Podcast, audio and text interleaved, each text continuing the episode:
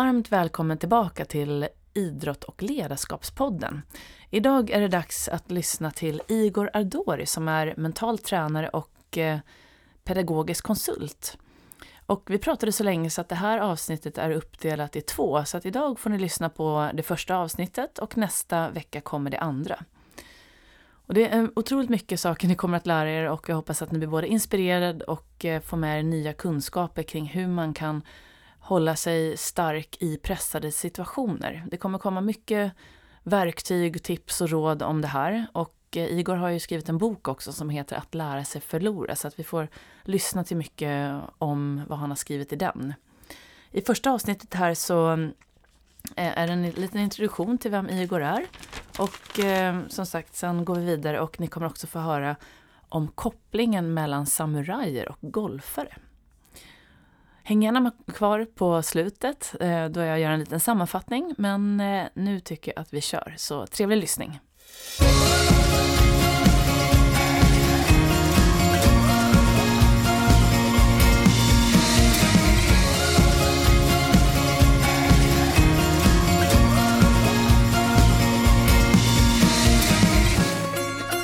Idag har jag med mig Igor Ardoris som är mental tränare och pedagogisk konsult. Och Igor har de senaste tio åren bland annat utbildat elitidrottare, lärare, poliser, ambulanssjukvårdare och företagsledare. Att lära dem agera utifrån lugn och balans i pressade situationer. Och den här metoden som Igor jobbar med ska vi prata lite mer om idag. Och eh, han har också då utvecklat den här eh, metoden kan man säga genom sin långa erfarenhet av japansk kampkonst och genom sin passion för mental träning och österländsk filosofi. Så varmt välkommen hit Igor. Tack så mycket. Finns det något du vill lägga till? Ovan? Nej då, det är bra. Var det bra? Härligt. Så jag brukar alltid börja med att fråga, vem är Igor Ardoris egentligen? Ja, en... Um, som du sa, en person som är väldigt intresserad av uh, att lära sig hantera svåra situationer redan från, från tidig barndom kan man säga. Och, av olika skäl och eh, orsaker och eh, ska man säga från början trodde jag att det kanske fanns att folk omkring mig kunde det mycket bättre och det lät så när de gav råd. Men sen eh, under min uppväxt upplevde jag och upptäckte att de flesta eh, har svårt att följa de råden som de är så bra på att ge när de hamnar under press. Så det har väl format mig i tidigt skede och format det här intresset och nu är jag drygt 40 och minst lika intresserad nu som, som då. Mm. Mm, spännande. Så vad gör du just nu i din vardag? Um, det, det, är som, det är som vanligt. Jag har, jag har uh, ungefär 200 resedagar per år. Mm. Så det, det är väldigt mycket, uh, väldigt mycket handledning, väldigt mycket coaching, väldigt mycket workshops och uh, både ja, organisationer, grupper, individer och sen håller jag på med en ny bok som kommer ut om uh, um, några månader då till bok, Bokmässan i september. Mm. Vill du berätta lite mer om den, vad den ska ja. heta eller vad den handlar om? Ja, som jag sa innan, jag är rätt så enkelspårig. Så den, handlar, den kommer heta uh, uh, Stark på insidan och den kommer handla om, uh, under rubriken är Mental tuffhet enkelt och konkret. Mm. Och jag skrev den tillsammans med eh, en tjej som heter Ma Madeleine Wall eh, Beiner. Och hon, eh, hon är gammal eh, svensk mästarinna, Europamästarinna, nordisk mästarinna, flerfaldig i thaiboxning. Mm -hmm. Så jag har varit hennes mentaltränare redan för nästan tio år sedan och vi har haft ett långt samarbete och sen så småningom har det också utvecklats till till en eh, först kompis och sen vänskapsrelation mm. kan man säga och vi har följts åt ett tag så eh, tanken har varit att skriva en, eh, en eh, om, om mental tuffhetsträning på ett sätt så att en person med koncentrationssvårigheter ska, kunna, ska kunna ta till sig ja. eh, övningar och en av de saker som Madde har behövt hantera är faktiskt ADHD-diagnos. Mm. Så hon har varit väldigt eh, värdefull då i att eh, när vi har, eh, när jag har utvecklat det här konceptet utifrån det här utgångsläget. Så vi har hela tiden utgått från vad hon tycker är lagom vad hon klarar av och vad, han känner, vad hon känner passar. Så tanken är att om folk med koncentrationssvårigheter kan ta det här till sig, då kan de flesta andra också göra det. Det låter väldigt intressant och väldigt sådär aktuellt, Ja. tror jag idag också. Vi ska gå in, du har ju skrivit fler böcker och vi ska prata lite mer om det sen också, dina bästa råd kring det där. Men så du jobbar ju idag väldigt framgångsrikt med mental träning och så är du också pedagogisk konsult. När tycker du själv att du kom i kontakt med mental träning för första gången? För första gången var det i samband med att eh, jag började träna karate. Och, eh, och jag tror jag började träna karate för att jag, när jag var liten så fanns en serie eh, som är gjord efter eh, en eh, bok av James Clavel, som, som heter, Clavel tror jag, som heter Shogun. Ja, Jag tror Richard Chamberlain tror jag spelade Det jag ihåg. viktig roll där. Ja. ja. Och, eh, och jag var, eh, som jag tror de flesta barn, väldigt så fascinerad över ehm, ja, det här modet som samurajerna visade och det här liksom, vad ska man säga, värdigheten och, och det sättet hur de, hur de hanterade saker och ting. Och det gjorde mig jätteintresserad. Och jag lärde mig läsa tidigt, så jag läste väldigt mycket. Och jag ville börja träna tror jag redan när jag var fem, men det dröjde tills jag var nio innan mina föräldrar lät mig träna karate. De var oroliga väl att jag skulle spåra ur.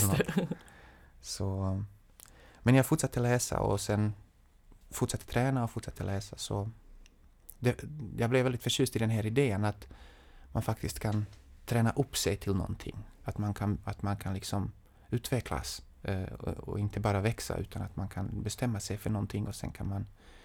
Eh, första, jag minns första gången jag läste i...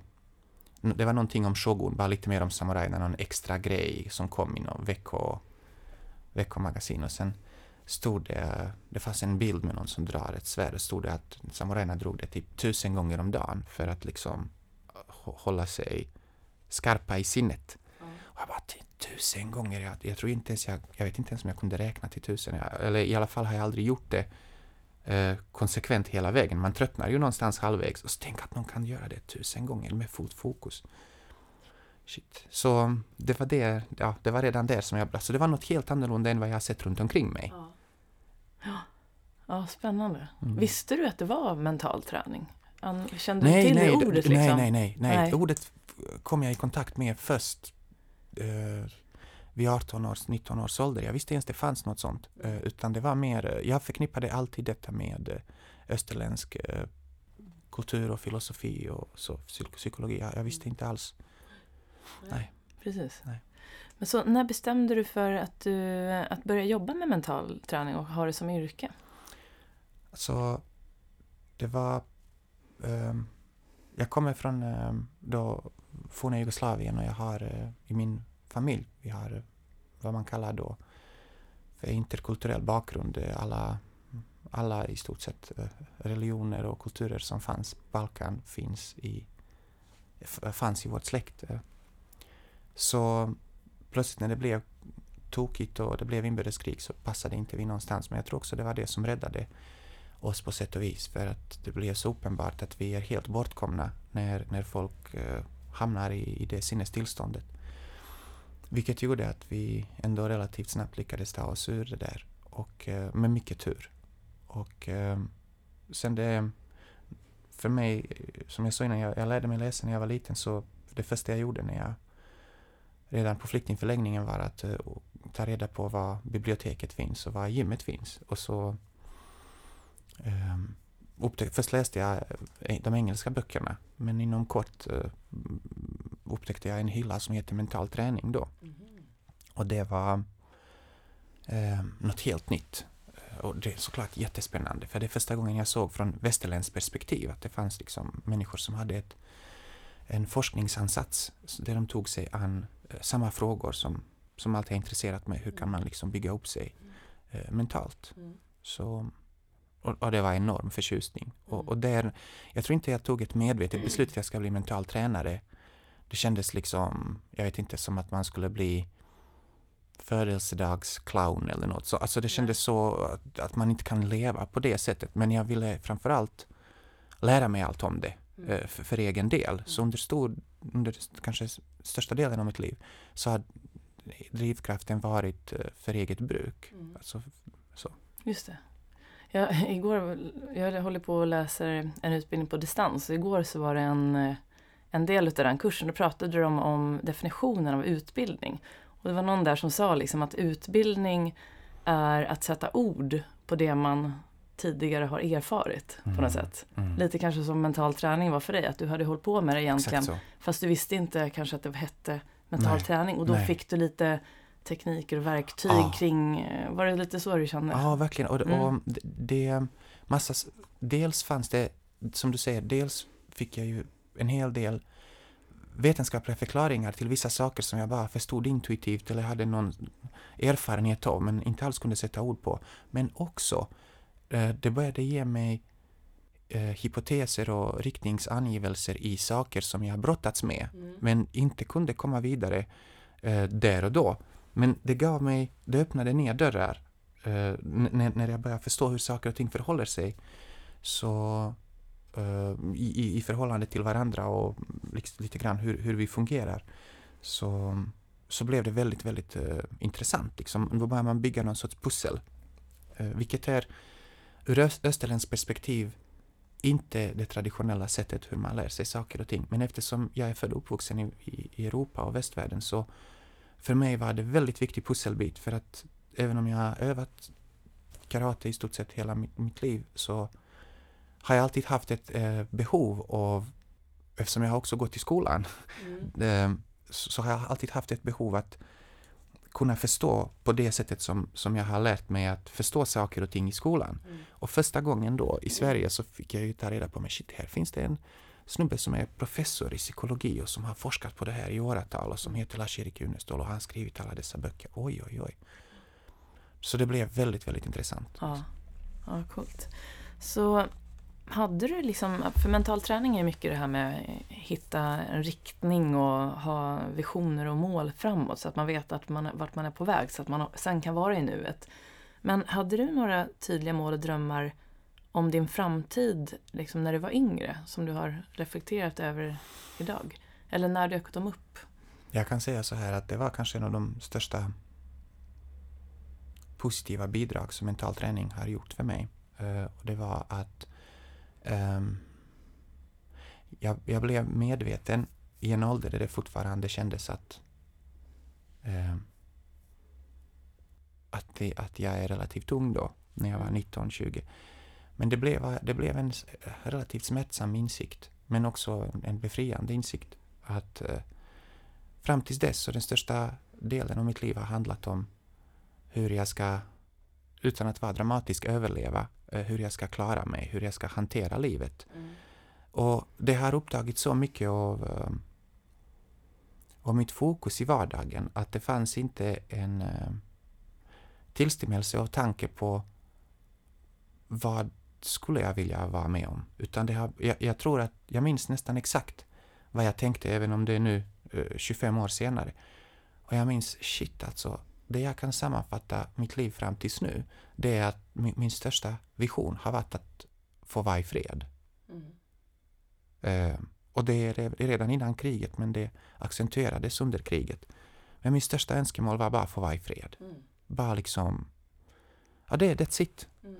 Och det lät väldigt sorgligt när jag uppfattade det då, Mm. inför mig själv. Jag såg det inte till någon annan, det var en inre dialog. Men det kändes väldigt, eh, jag vet inte, fattigt. När jag förstod eh, att ett liv kan liksom innehålla så mycket mer. Eh, och det blev också rätt så skrämmande för att jag blev medveten om 20 år kan passera på det sättet, då kan 60 också passera på det sättet och 40 och 80 kan passera på det sättet. Och då, och då blev det, mm, ja, då blev mentala träningen mycket mer. Mm. Så du gick en utbildning då eller när, när började du liksom gå de här, för du har gått utbildningar eller hur? Ja, ja, inom, och absolut. licensierat inom många Ja, områden. ja, ja, visst. Så, så när kände du nu vill jag liksom hoppa på det här?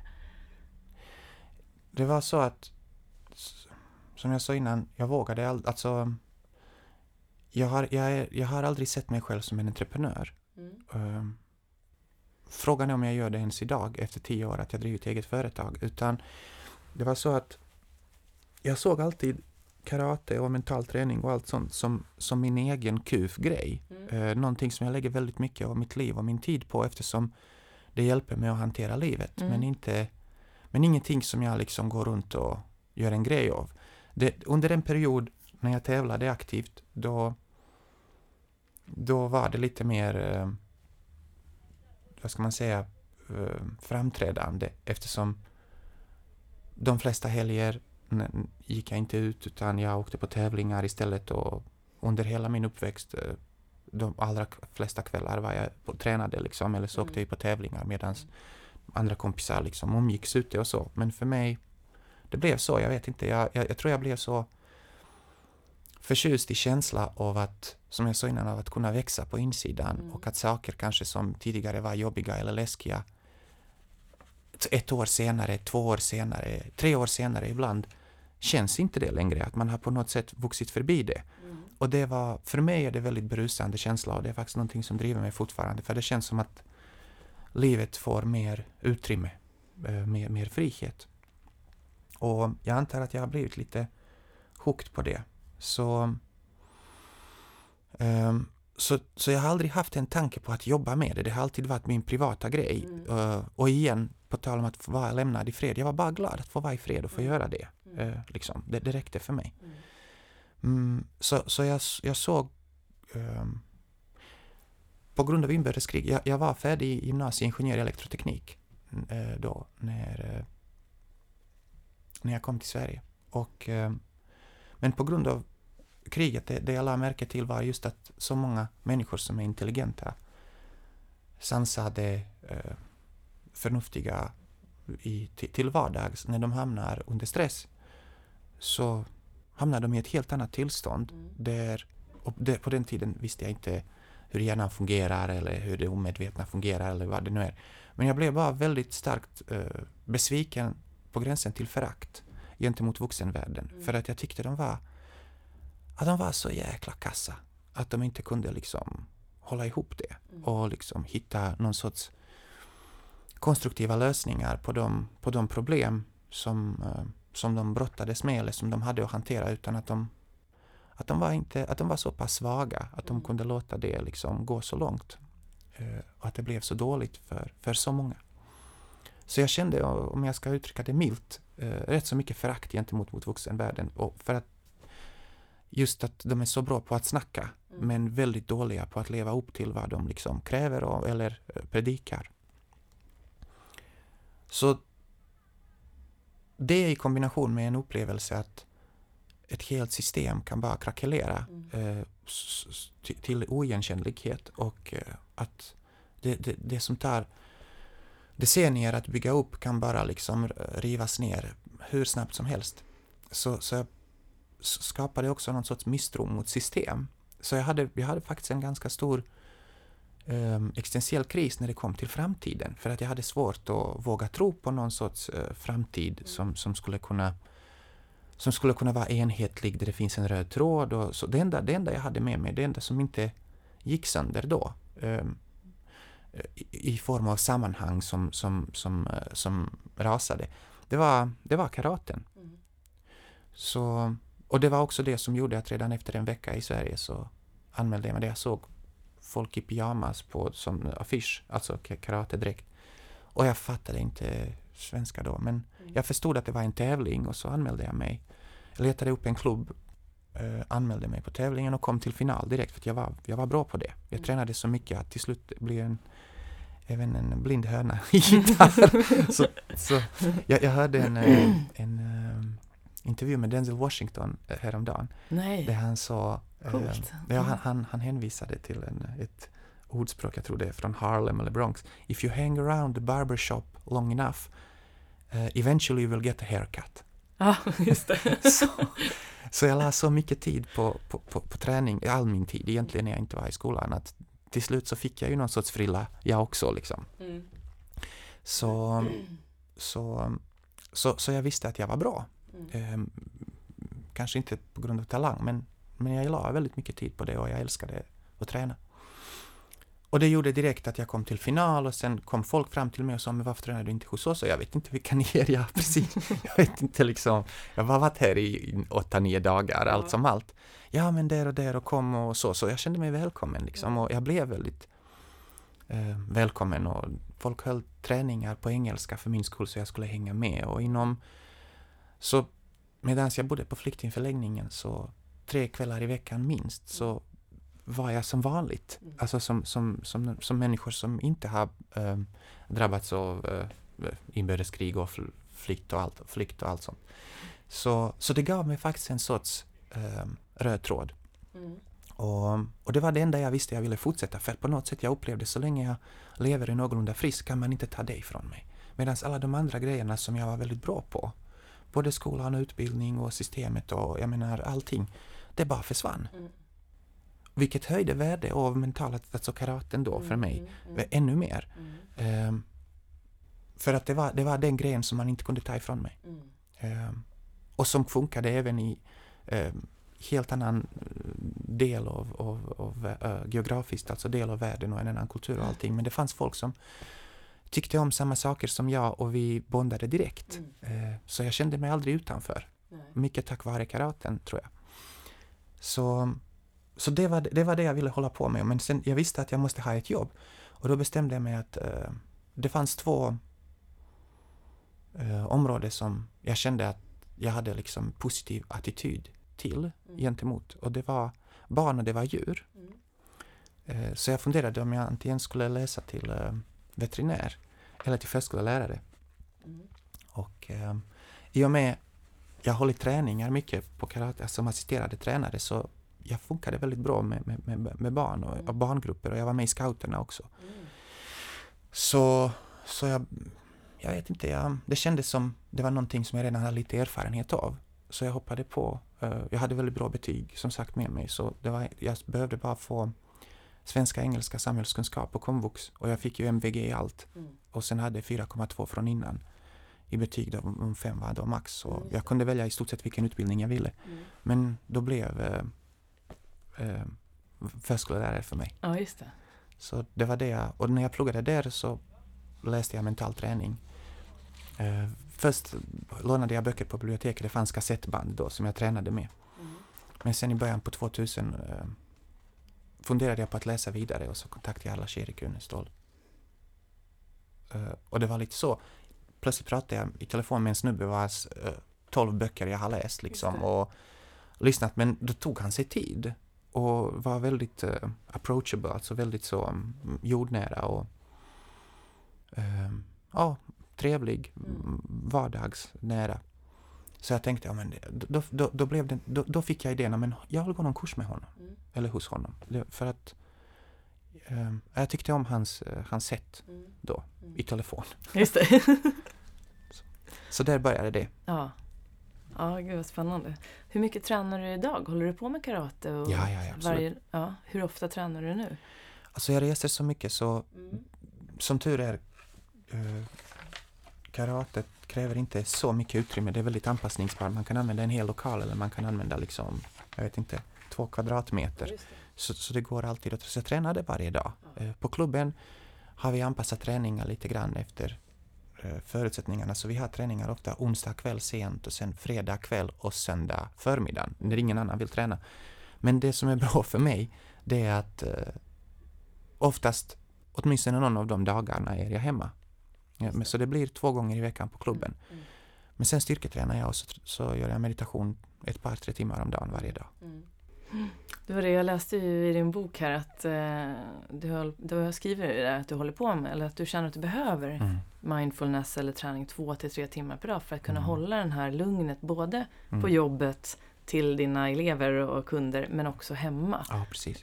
Är det den tiden ungefär som du fortfarande känner? Ja, ja, gud ja. Nu, Ja. nu är det roligt. ja. Från början var det, när jag skrev det, eh, och då, då kände jag verkligen att det är en... Eh, det, jag, tror det, jag, tror, jag tror folk som inte tar sin medicin känner att de inte är riktigt är i balans. Mm.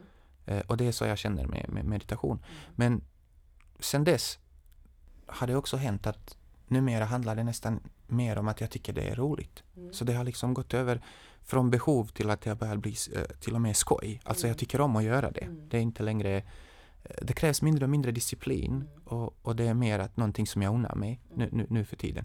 Inte alla dagar. Eh, vi, är jag trött och sliten då är det disciplin som jag faller tillbaka på. Mm. Men oftare och oftare någonting som jag inte ens vågat hoppas på en gång i tiden att det skulle vara Mm. kännas som att man unnar sig. En stund och sitta liksom och fokusera.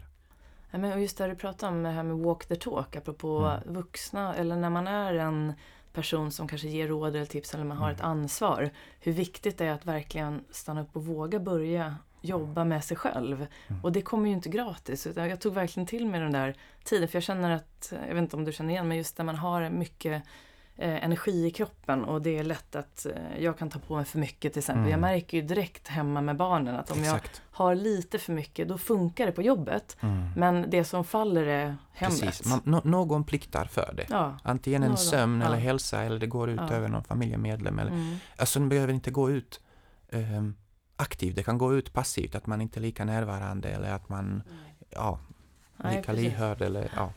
Det är så viktigt. Jag brukar säga att man ska vässa sågen. Mm, Stanna bra. upp och liksom vässa den där sågen istället för bara fortsätta liksom såga. Det Intressant. kommer inte fungera. Intressant. Ja, det är roligt. Ha, har du kommit på det själv? Alltså jag tror att jag läste i någon bok för Mm. länge sedan. På, jag tror att det är den här boken, heter Seven Habits of Highly Effective People. Att leva och verka till 100%. Jag, jag är inte säker, men du vet, någonstans där. Snyggt. För att Ja. jag brukar säga nästan samma sak. Jag Ja. brukar säga att man vässar sin yxa. Ja, Och att vässa yxa, eh, man hugger inga träd eller ve- ved när man vässar yxan. Så därför kan det uppfattas som att eh, man inte gör något vettigt. Men tack vare att yxan är vass så sparar man tid sen när man väl går till eh, skoggshuggeriet. Mm, det är precis så. Och det, den är så bra, jag brukar ju hela tiden försöka påminna. Jag har ett Instagramkonto och just att påminna om det där. Mm. För att man tror, det är så lätt att man bara kör på. Jag har inte tid för det här, jag har Nej, så mycket jag ska hinna precis. med. Men om yxan är slö Ja. så hinner jag inte med det ändå. Nej, precis. Ja. Men du jobbar ju då som sagt med många människor idag för att hjälpa Ja, ja. dem med eh, att hantera stress kan man säga, eller hantera och behålla sitt lugn i stressade situationer. Får jag in, in, Ja. Vad heter det, inflika? Ja, det är klart. Absolut. Som mental tränare skulle jag vilja säga att det jag, det jag, om, om det är någonting jag hjälper med, det är egentligen att jag tillhandahåller verktyg och strategier och support under tiden de lär sig hjälpa sig själva. Men jag hjälper ingen. Nej, Jag är inte terapeut.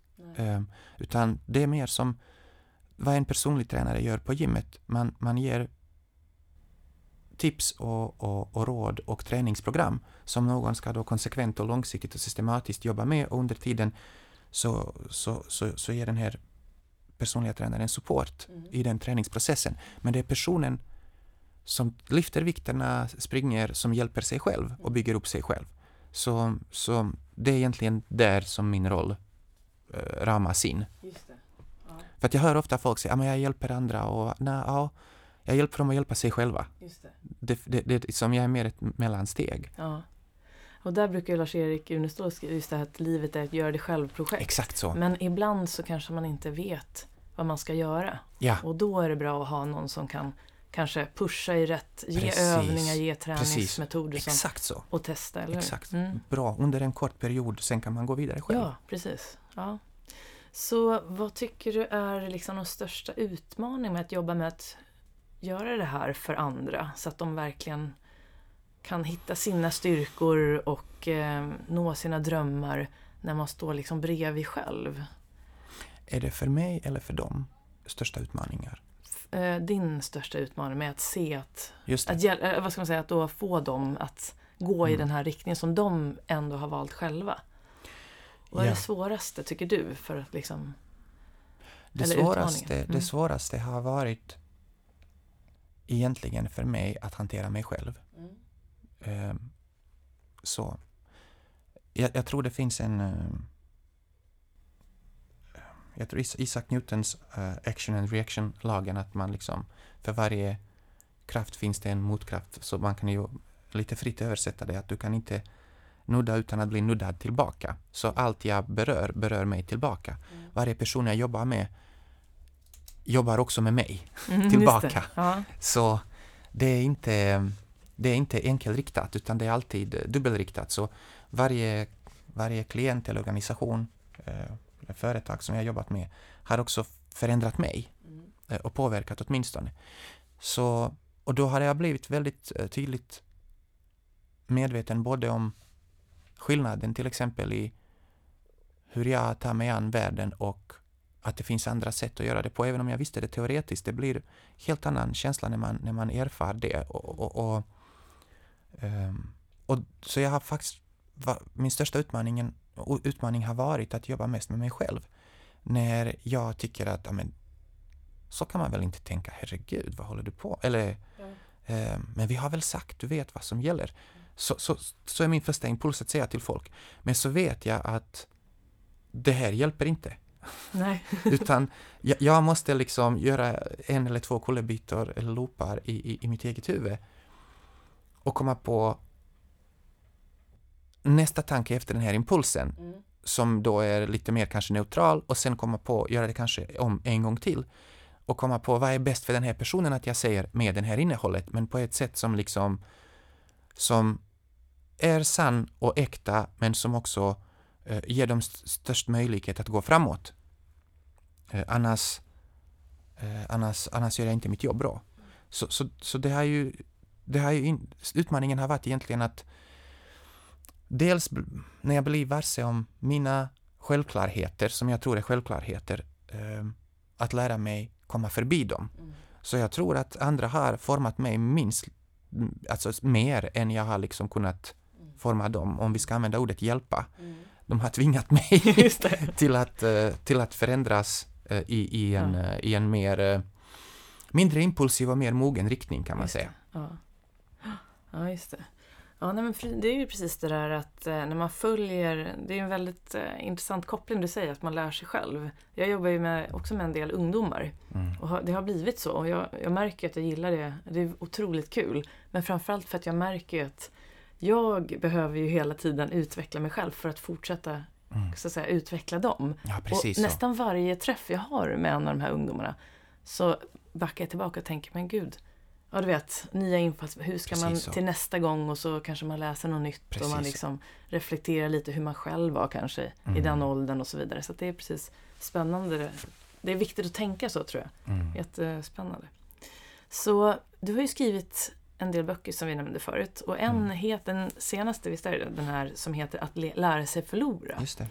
Och jag- har haft den där liggande hemma i min lägenhet och de flesta som kommer in tar upp den och känner liksom att titeln är så himla träffande. Mm. Framförallt min eh, mammas gubbe. Eh, han är väldigt, har varit väldigt prestationsinriktad hela sitt liv. Och han Mm. sa det att tänk om jag hade fått läsa den här boken när jag var yngre. Mm. Och, och, och då tänker jag, den, kan du berätta lite mer vad du menar med den titeln? Ja, det är... Mm. Jag tror att när... eh, Som jag sa innan, jag, jag hoppar på det här förskollärarbanan och eh, jag älskade verkligen varje dag i utbildningen. Och sen efter det ville jag veta mer. Så jag läste parallellt mental träning och eh, när jag var färdig då med, med förskollärarutbildningen så fortsatte jag läsa pedagogik i, i, i Lund. Och så småningom tog fil. kand. Men under tiden jag läste pedagogik, då började jag redan jobba. Ehm, så det var ju... ehm, så jag jobbade som förskollärare och sen som specialpedagog. eh, och eh, sen så småningom också som idrottslärare och klassmentor. Och parallellt med det så läste jag då ehm, pedagogik. Mm. Och en sak som, som kom fram, som, som du kommer känna igen utifrån vad jag sagt nyss, skillnad mellan kunskap och kompetens då kunde jag, började jag förstå liksom att det finns till och med begrepp, och det var faktiskt Lars-Erik också Unestål som lyfte det redan när jag läste mental träning, att, kunsk- att, kunna, att veta någonting och kunna utföra det inte är samma sak.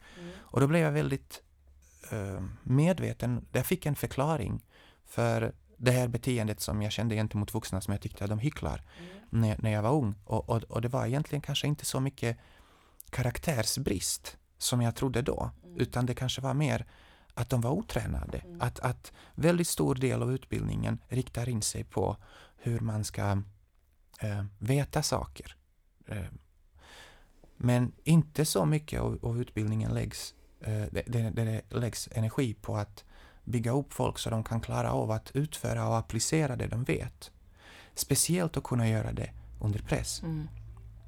Så att lära sig förlora, jag tror kom som begrepp för eh, åtta år sedan tror jag. Då har jag kanske jobbat i, i två år som, som mentaltränare och jag kände att alla böcker runt omkring mig och DVD och videoband och träningsmojanger vad det är, handlar om hur man ska bli bäst när det gäller att plocka fram sitt fulla potential, hur man ska bli en vinnarskalle eller hur man ska, ja, störst, bäst och vackrast, Mm. kort och gott. Och, och jag kände att det inte alls lockar mig. Mm. Alltså, jag har inget emot att, att lyckas, verkligen inte, men det är inte där som mina som, som mitt intresse för mentala träningen har funnits, utan det jag har behövt lära mig är hur fasken ska jag hålla ihop det när, när saker och ting totalt rasar runt omkring mig? Så hur ska jag liksom fortsätta fungera? Hur ska jag fortsätta fungera när det inte alls, när det inte alls går som jag tänkt mig? Hur mycket jag än har ansträngt mig?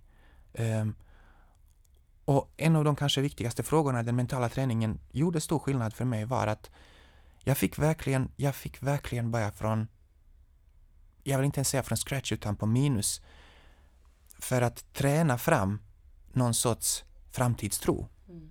För att jag hade ingen.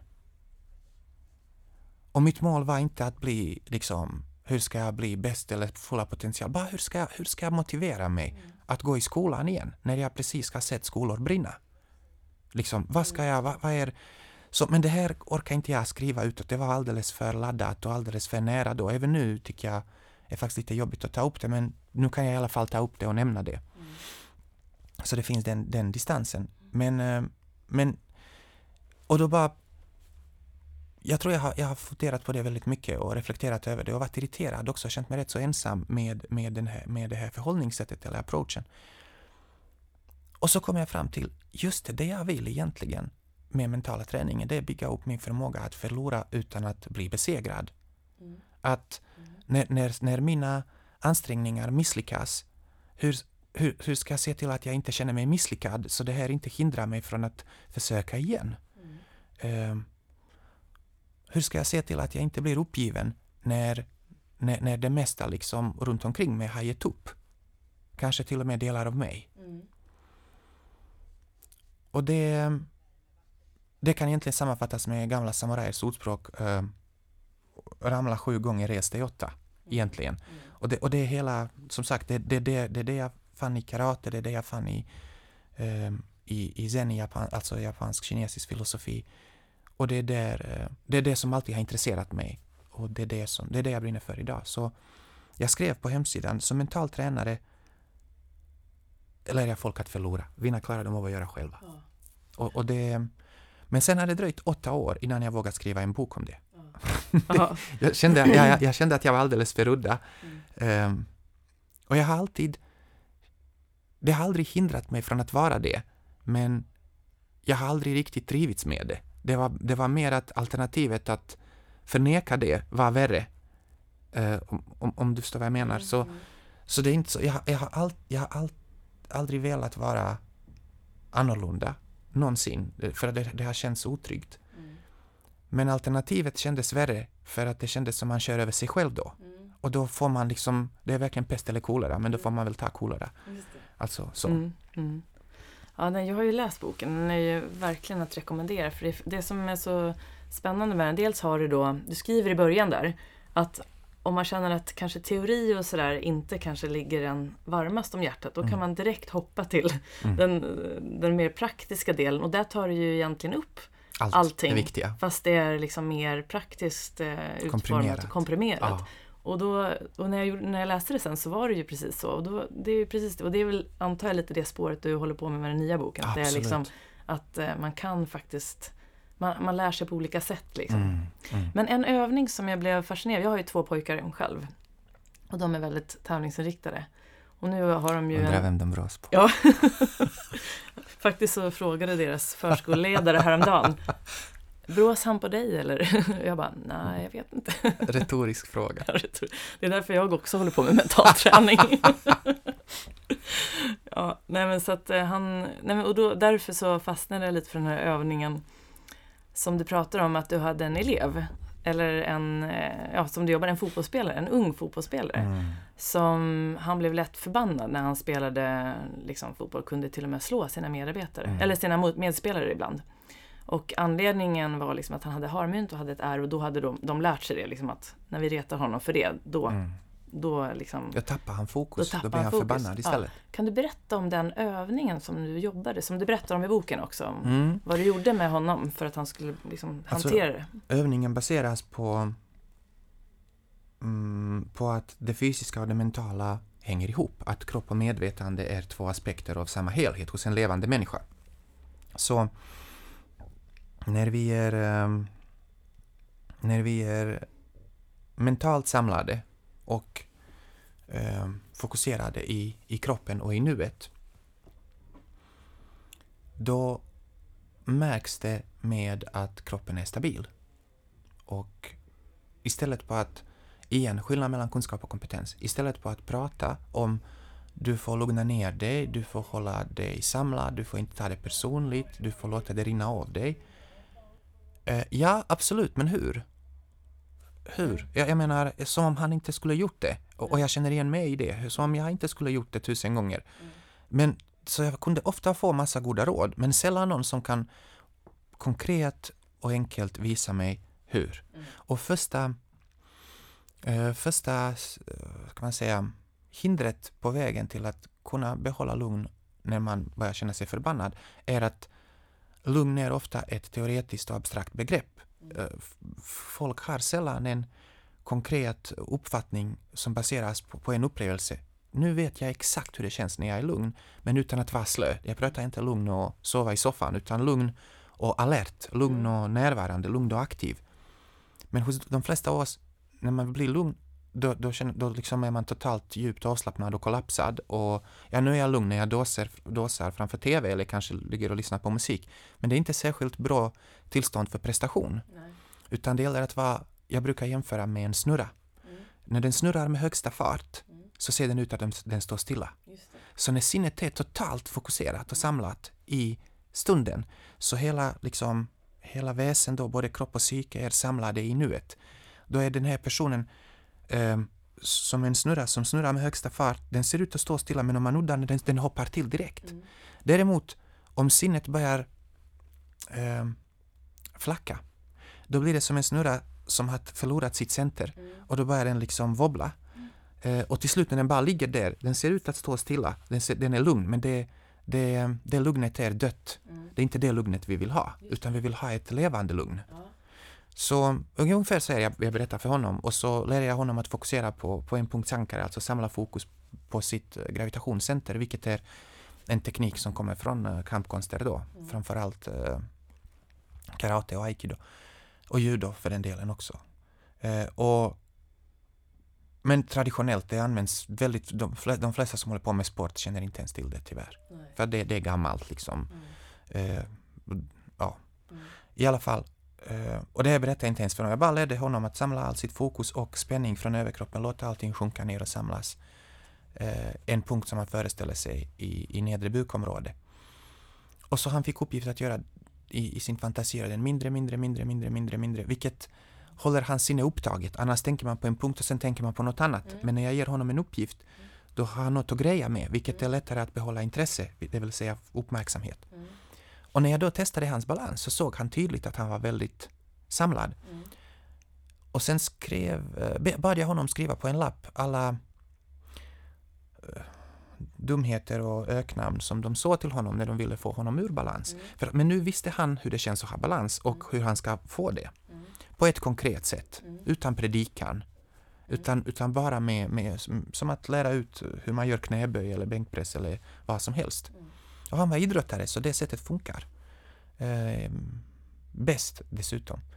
Så, och så skrev han allt det här, uh, two-face, eh, eh, ugly, bastard, eh, fuling, läppen, fläskläppen, ärret, alltså allt, allt möjligt. Och han skrev ner det. Och, eh, och så jag honom eh, vad heter det, fokusera på samla ihop sig, fokusera, så testar jag hans balans så han kan känna om hur fokuserad han är. Och så läste jag först de här grejerna ganska neutralt. Mm. Och ibland när, någon, någon av de här orden eller öknamn, förolämpningar kom åt honom, ja då började hans uppmärksamhet fångas av känslor som framkallades av förolämpningen, Mm. vilket direkt innebär att han har medvetet släppt fokus på nuet och, sin, och, och, och, och, och närvaro i, i sin kropp. Mm. Han kan inte samtidigt vara närvarande i kroppen, ha fokus på sitt balanscenter och vara närvarande i sin känsloreaktion på förolämpningen. Han kan däremot uppfatta förolämpningen och behålla fokus och närvaro i nuet. Då är det han som är medveten om förolämpningen, men förolämpningen äger inte honom. Nej. Den har inte, hans uppmärksamhet har inte fäst sig vid det, utan han behåller, eh, han äger sitt sinne. Just det. Och då det här behövde jag inte ens förklara, utan han, varje gång han wobblade till, när jag testar, jag testar alltid lika lätt, Mm. men varje gång han wobblade till, då vet han hur han ska gå tillbaka till eh, att samla ihop sig, till, till uh, enpunktsankare då. Och så läste jag nästa och så nästa och sen nästa varv läste jag det med lite mer inlevelse och till slut jag nästan skrek dem liksom i, i, på 20 centimeters avstånd. Mm. Men då började det nästan bli roligt för honom, Ja. för att han börjar känna att han har kontrollen. Ja. Att det inte är vad jag säger, att han inte måste ehm, reagera på vad som sägs till honom, att han faktiskt har alternativ, att han kan eh, agera på annat sätt. Så att han lär sig agera istället för att reagera. Mm. Och då blev det väldigt tydligt att om jag försöker rubba, eh, psyka dig, rubba Mm. dig mentalt, Mm. och, det, och jag inte lyckas, då går det tillbaka till mig istället. Mm. Då börjar jag undra, men vad är det med honom? Så blir jag psykad. Eh, Så allt han behövde göra är att hålla, hålla ihop det för sig själv. Han Ja. behövde inte läxa upp de andra. De sabbar för sig själva när de inte kan rubba honom. Ja. Ja, det är en sån fantastiskt enkel, effektiv övning. Det är så roligt för, apropå andra sporter, jag håller ju på med golfare mycket då, eftersom det. det. är min bakgrund. Och jag har tidigare använt magen som försöker få mina elever att jobba med bålen. Mm. Istället för, du vet, golf, då är det ju mycket, man håller ju klubban med händerna. Mm. Och när det går dåligt så är det oftast att man gör någonting med Mm. händerna. Mm. Och det här har ju så mycket muskler som kan Precis. påverkas av tankar. Så jag brukar prata om magen, men nu efter att jag läste din bok, då brukar jag säga så här, ja, inom, eh, i min, till mina elever, men inom kampsporten, där Mm. jobbar man ju mycket med en fokuspunkt och det är centrering och den ligger ju 10 centimeter under naveln. Precis. Nu ska vi fokusera där. Och du vet, det blir någonting Precis. och gre- grejen är just då att fokusera vad man ska göra, inte på vad man inte ska göra. För om du Exakt. säger så här, du ska inte jobba så mycket med händerna, det är ju det här klassiska, då blir det ju Mm. väldigt mycket fokus kring det. Så det funkar väldigt bra för Absolut. mina golfelever. Precis, precis. Jag, ehm, det här med punkten, det är så roligt för att det finns en direkt koppling mellan golf och, och um, samurajer. Ehm, och, och det är egentligen i det motoriska. För att när man styr, eh, när samurajerna använder svärd eller spjut eller pilbåge till och med, och de har pilbågar som är två meter långa och de själva var då typ 1,45. Ehm, men, men den var så stor för att eh, och den var också asymmetrisk. Den, den övre delen av pilbågen var mycket längre än nedre för att man skulle kunna skjuta från, häst, från hästryggen. Ehm, och det krävs det fokus och, och den är så, den är så eh, svår att, att spänna. Så om man drar på med musklerna, då använder man armarna. Använder man armarna, armarna har så många muskler, precis som du ser, att det blir oprecist. De var tvungna att lära sig att samla all sin uppmärksamhet på fokuspunkt och på, eh, vad heter det, i sitt gravitations eller masscenter. Och känsla från bålen att man spänner bågen. För att då använder man bara de muskler som behövs. Mm. Och när man använder svärdet eller spjutet, om du tänker dig att vara på ett slagfält med 30 kilo rustning och så väger man själv kanske 50. Eh, eh, och, och då kan man inte gå runt och vifta med armarna för mycket för att då blir det mjölksyra. Plus att man ville ha tyngden bakom sina hugg eller sina stötar. Så vad man gjorde var mer att hålla armarna stilla och rikta kroppen från kroppens centrum och sen använda benen. Eh, och, och om det är tungt svärd, man låter mer eh, jordens dragningskraft dra svärdet men man, man håller inte på med armarna så mycket för att de blir så trötta att man inte orkar lyfta svärdet sen.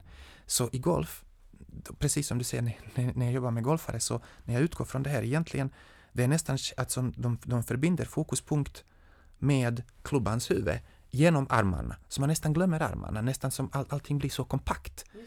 Och sen är det mer när man, när man rör armarna, man rör inte armarna, man rör centret. Mm. Men eftersom det är så stora muskelgrupper så är det lättare att känna sig säker än när man börjar med eh, det finmotoriska som man börjar tvivla på. Precis. Exakt, det där är så. Och den där den instruktionen, speciellt när man är runt grinen då. När det Mm. blir mycket närspel, det är där man sparar slag då. Precis, innan, precis. Eller hur? Och, och det här kan ju, oavsett om det är en amatör eller proffs, så kan man verkligen ta till sig det. Mm. Och det är väldigt ovanligt tror jag att lära ut det på det sättet. Men det funkar så bra att man Mm. också får fokusera på vad man ska jobba med. Mm. Och att de här stora muskelgrupperna, det, det är okej om vi går, står och tränar så kanske det går bra. Ehm, och jobbar lite mer om man nu vill göra någonting med handleden. Men däremot under press då, på, när det är tävling och du vet hjärtat kanske går upp, då är det Exakt helt så. plötsligt mycket med händerna. Exakt. Och då att fokusera på magen. Ja. Det är precis, det är så, jag älskar att träna Ja. på det sättet. Alltså lära ut på det sättet. Och när, när man ser också hur det, lätt, hur det funkar. Vilka när, när får, det ger. Ja, Ja. man får en sån aha-upplevelse. Senast igår hade jag två stycken som vi liksom lite högre handikappare som liksom inte har, som har haft problem med gips kan man Mm. kalla det då. Mm. Du vet när det liksom Mhm, mhm. ja, rörs till. Så det, det är så bra, verkligen. För, att annars, annars blir folk rädda för de känner att Mm. deras egen kropp sviker dem på något sätt och de fattar inte varför. Men det är när pulsen går upp, finmotoriken slås ut. Och finmotorik är samma som teknik. Precis. Och jag gillar när du skrev i boken, när du pratade om att vara nedrörd Mhm, istället Precis. för upprörd. Precis. Det är ju lite den Ja, exakt tanken. motsatsen Det är ett- till upprörd. Precis, det är ett bra ord på det. Jag har hittat på det, jag har lärt mig svenska som vuxen så det har gett mig lite större kanske Ja, frihet är- i att leka med språket. Det är jättebra ord verkligen.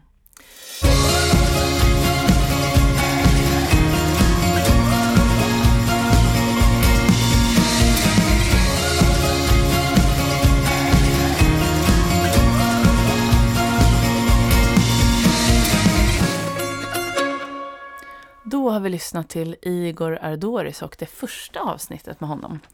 Och jag tycker det är fantastiskt eh, intressant att få lyssna till den här personen som har så mycket kunskaper och eh, erfarenheter inom området mental träning. Och vi kom in på mycket spännande saker. Jag tycker att den här övningen och eh, som vi pratade om med, som också kommer från Igors bok, Att lära sig förlora. Det här om den unga fotbollsspelaren som lär sig att vara lugn och hantera Eh, stress när han blev retad genom att hitta sitt fokus och hitta sitt lugn och sin balans. Och träna på det så att han när han blev utsatt för de här eh, retorden så att säga så kunde, han- hade han lärt sig hur han skulle behålla lugnet. Och det här typen av verktyg kan man ju ta till sig då oavsett vad det är du behöver jobba med. Och vill du ha mer tips och råd eh, så tycker jag verkligen att du ska läsa boken Att lära sig förlora för där finns det väldigt mycket konkreta saker som du kan ta till dig oavsett vad du jobbar med. Och sen var det ju härligt med den här eh, kopplingen mellan samurajer och golfare. Eftersom jag själv är golfare då, så tyckte jag att det var en spännande, eh, spännande sak just det här med fokuspunkten och att eh, samurajerna faktiskt jobbade med det precis på samma sätt som jag jobbar med mina golfare. Så jag hoppas att du kunde ta till dig det och kanske fokusera lite mer på bålen nästa gång du ska jobba med framförallt ditt närspel. Då. Och vi pratade också om det här att vara nedrörd istället för upprörd. Det tyckte jag var ett väldigt bra ord som jag ska ta till mig. Ehm, och, ehm, och sen det här med att man eh, ja, helt enkelt eh, genom träning så kommer du lyckas. Så att det finns mycket bra, eh, bra verktyg som du kan få med dig. Så jag hoppas att du har lyssnat och haft det skönt och ehm, att du har blivit inspirerad. Och nästa vecka då så fortsätter vi det här samtalet. Så då hoppas jag att vi ses igen. Tills dess får du ta hand om dig så hörs vi. Tack så mycket. Hej då.